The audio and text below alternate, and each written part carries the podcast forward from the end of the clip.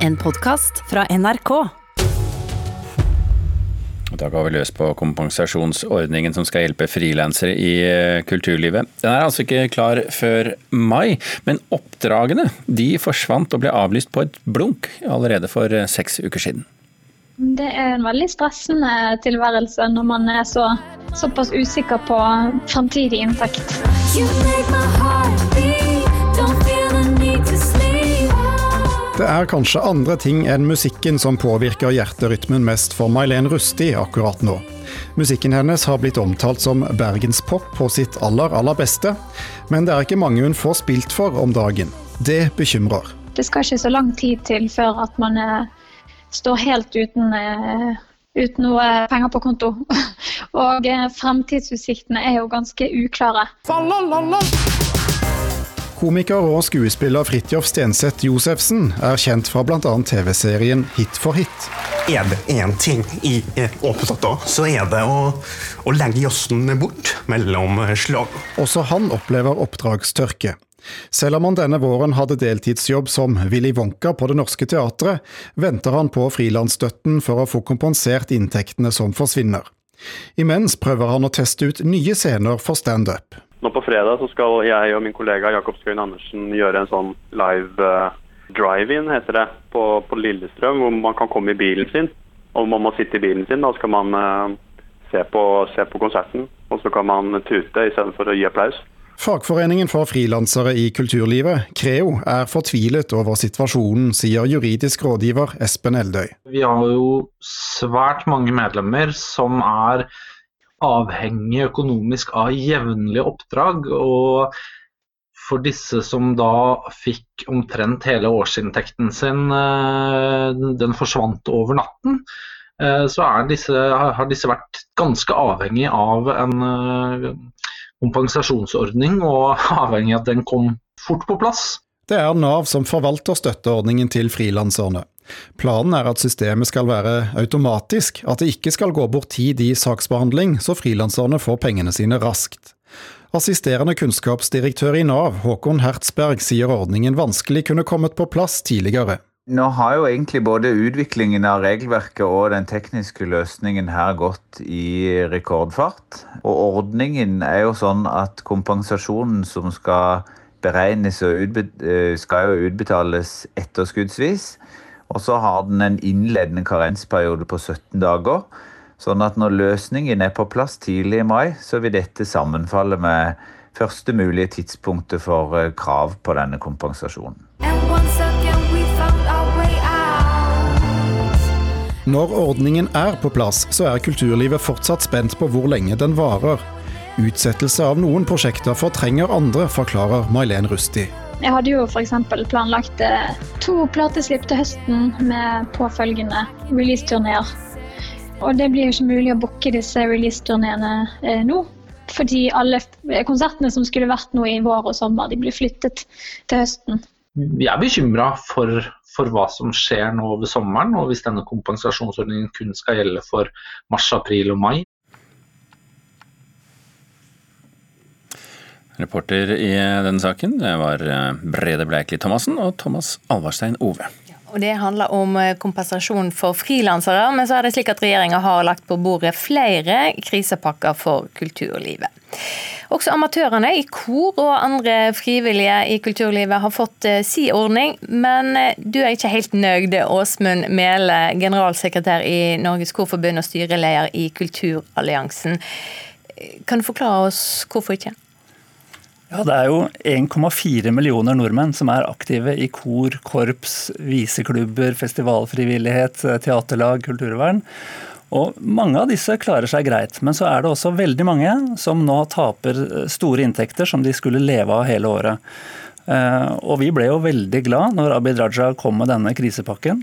Men så viser det seg da at den treffer ikke oss i det hele tatt. Det er 80% av de som har tapt penger i kulturfrivilligheten som ikke faller inn under ordningen. Og Det syns vi blir helt feil, at det er her de store kommersielle arrangementene ofte innenfor idrett som stikker av med størstedelen av kaka, mens eh, ildsjelene rundt i landet eh, blir tatt motet fra på denne måten. Og det er fordi det handler om billettinntekter.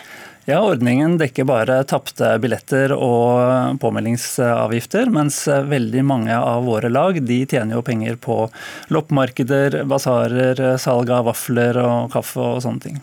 Men du, en ting er folk som mister levebrødet sitt fra en dag til neste. En skulle jo tro at noe helt annet er folk som driver på frivillig basis på fritida og synger i kor, spiller i orkester. Hvorfor er det så viktig med pengestøtte til deg? Nei, det, det, er jo ikke så mye penger som trengs sammenligna med de store, store, pakkene, men det er så veldig mange lag dette gjelder. Eh, for de kan 20 000 eller 30 000 kroner være veldig mye, som er det at de gjør at de fortsetter å kunne betale sin uh, instruktør, og som gjør at de kan holde det gående. Vi skal høre kulturminister Abid Raja. Han uh, ble i går konfrontert med kritikken mot denne ordninga, og vi skal høre hva han svarte på det. Eller det skal vi kanskje ikke? Det er første gang vi har laget en den type kompensasjonsordning. Vi har heldigvis aldri hatt en pandemi, og heldigvis har vi aldri måttet lage sånne type krisepakker på en milliard kroner. Nå ser vi innretningen på dette, og jeg sier nå, allerede nå, at vi er villige til å gjøre nødvendige justeringer i dette. Og det tror jeg både idretten og frivilligheten har tatt eh, godt imot. Ja, Bin Raja er klar for å gjøre justeringer. Hva bør han eh, gjøre? Ja, Han må eh, for det første ta inn andre typer inntekter. Eh, som jeg nevnte i stad, loppemarkeder og de som taper mye. Og den må da også gjelde fra 12.3 igjen. Eh, sånn at alle de som får et rikere liv gjennom kulturfrivilligheten, og som dette er så veldig viktige sosiale institusjoner for, får et sånt tilbud å komme tilbake til når dette er ferdig. Ja, en lever til og med lenge, hørte vi på Nyhetsmorgen i går, hvis en driver med, med kultur. Men altså eh, hva skjer dersom eh, kulturlivet ikke får disse pengene slik det ønsker framover? Dette eh, kommer jo på toppen av alle de andre problemene som korona skaper for eh, det frivillige kulturlivet. Og, og vi er bekymra nå for at mange ikke klarer å, å, komme over denne bøygen og må legge ned. Og Det vil være veldig synd, for det. dette er så viktige sosiale tilbud Eh, for mange, og mange har stor glede av dette. Hvordan vil vi merke det, hvis folk må legge ned? Nei, jeg tror at eh, Du snakket om helseperspektivet her i stad. Og, og, eh, det er også musikk- og kulturtilbudet rundt omkring vil lide av det. For rundt i Norge så er det breddekulturen som står for veldig mye av kulturtilbudet. Takk for at du kom hit i Nyhetsmorgen, Åsmund Mele. To be. Or not to be? that is a question. Ja, Dem som ikke vet hva dette er for noe, er enten for unge, eller så har de ikke gjort hjemmeleksene sine. Dette er altså en, et lite utdrag fra en relativt kjent eh, dikter. Eh, og i dag så har han eh, bursdag, kulturreporter Helga Tunheim. Ja, eh, 23. Hvis han har det, da. Ja, hvis han har det, ja. For 23. Eh, april eh, blir eh, fødselsdagen til Shakespeare markert, men det er, det er altså ukjent akkurat hvilken dag han ble født. Men det som er sikkert, er at det er 456 år siden. Altså ikke noe jubileum, men denne fødselsdagen er spesiell likevel. Spesielt for engelske Shakespeare-fans som gjerne skulle gått i teater og sett Shakespeare på scenen denne dagen. Alle teater i West End er stengt pga. korona, og det samme er Globe Teater, der mange av Shakespeare sine skuespill ble uroppført. Så er det slik at eh, Engelskmenn de er jo veldig glad i Shakespeare, så de lar vel ikke denne sjansen gå fra seg? Absolutt ikke. Eh, dersom en har tid og lyst, så kan en fråtse i Shakespeare dagen lang. Eh, The Guardian skriver at tolv av hans mest kjente skuespill blir strømmet på nett. Deriblant Hamlet og Kong Lear, som er å finne på Amazon Prime. Medan eh, kong Henrik 5. og flere andre blir strømmet på YouTube. Og en oppsetning av Romeo og Julia som skulle hatt premiere på Globe Teater denne veka er utsatt. Eh, I stedet så blir et teaterets versjon fra 2009 gjort tilgjengelig på nett gratis. Og De som ikke er fornøyd med det, er det mer Shakespeare å hente? Ja, er, altså, Vi får jo håpe at de er fornøyd, men eh, for de som vil ha enda mer Shakespeare, så finnes det podkaster med tidligere radiohøyrespill med Shakespeare tilgjengelig. Og universitetet i Oxford har vært så rause at de har lagt ut eh, forelesninger om Shakespeare eh, tilgjengelig til alle på nett. Og så kan vi minne om at Det er jo spilt inn en rekke morsomme filmer eh, på bakgrunn av, eller direkte, direkte filmer av Shakespeare-stykker. Absolutt, og det finnes mange bøker. Og mange bøker, og lister. Eh, Internett er fullt av lister over det beste, eh, så da er det bare å gønne på, som det heter. Eh, Dessuten så kan vi jo ta med at eh, eh, det er ikke bare fødselsdagen, men også dødsdagen til Shakespeare i dag, eh, angivelig.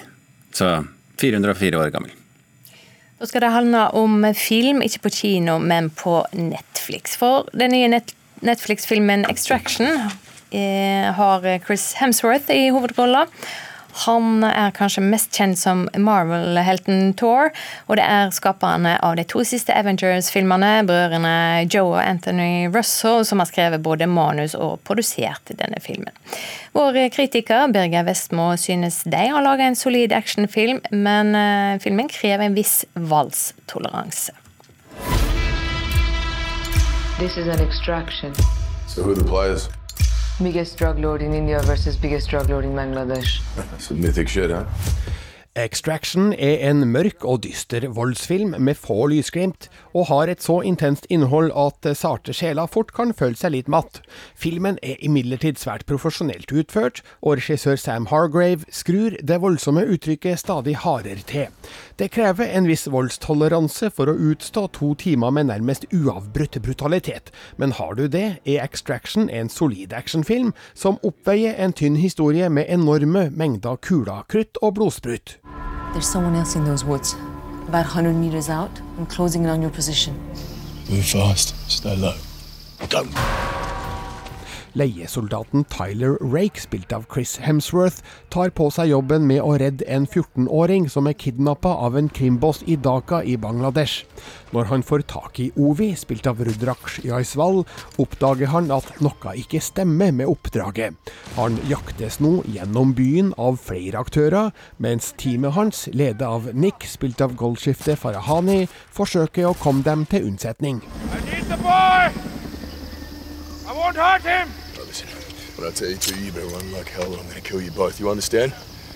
Extraction preges av en gjennomgående strøm av skyting, slagsmål og biljaktscener, der voldsnivået nesten er på linje med de indonesiske The Raid-filmene.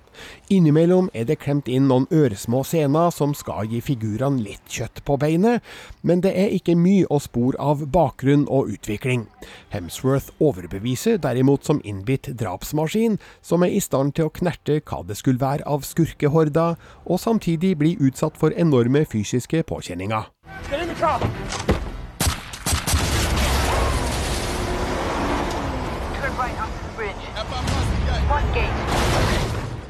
Det her er i realiteten en svært enkel historie om å komme seg fra punkt A til punkt B, men den gir i det minste figurene ekstreme mengder utfordringer på veien gjennom det kaotiske bymiljøet.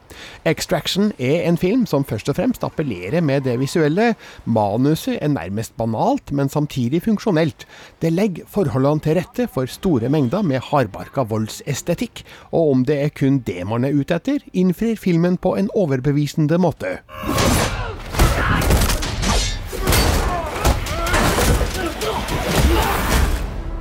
Terningkast fire. Extraction ble anmeldt av Birger Vestmo. Filmen har premiere på Netflix i morgen. Du har hørt en podkast fra NRK. Hør flere podkaster og din NRK-kanal i appen NRK Radio.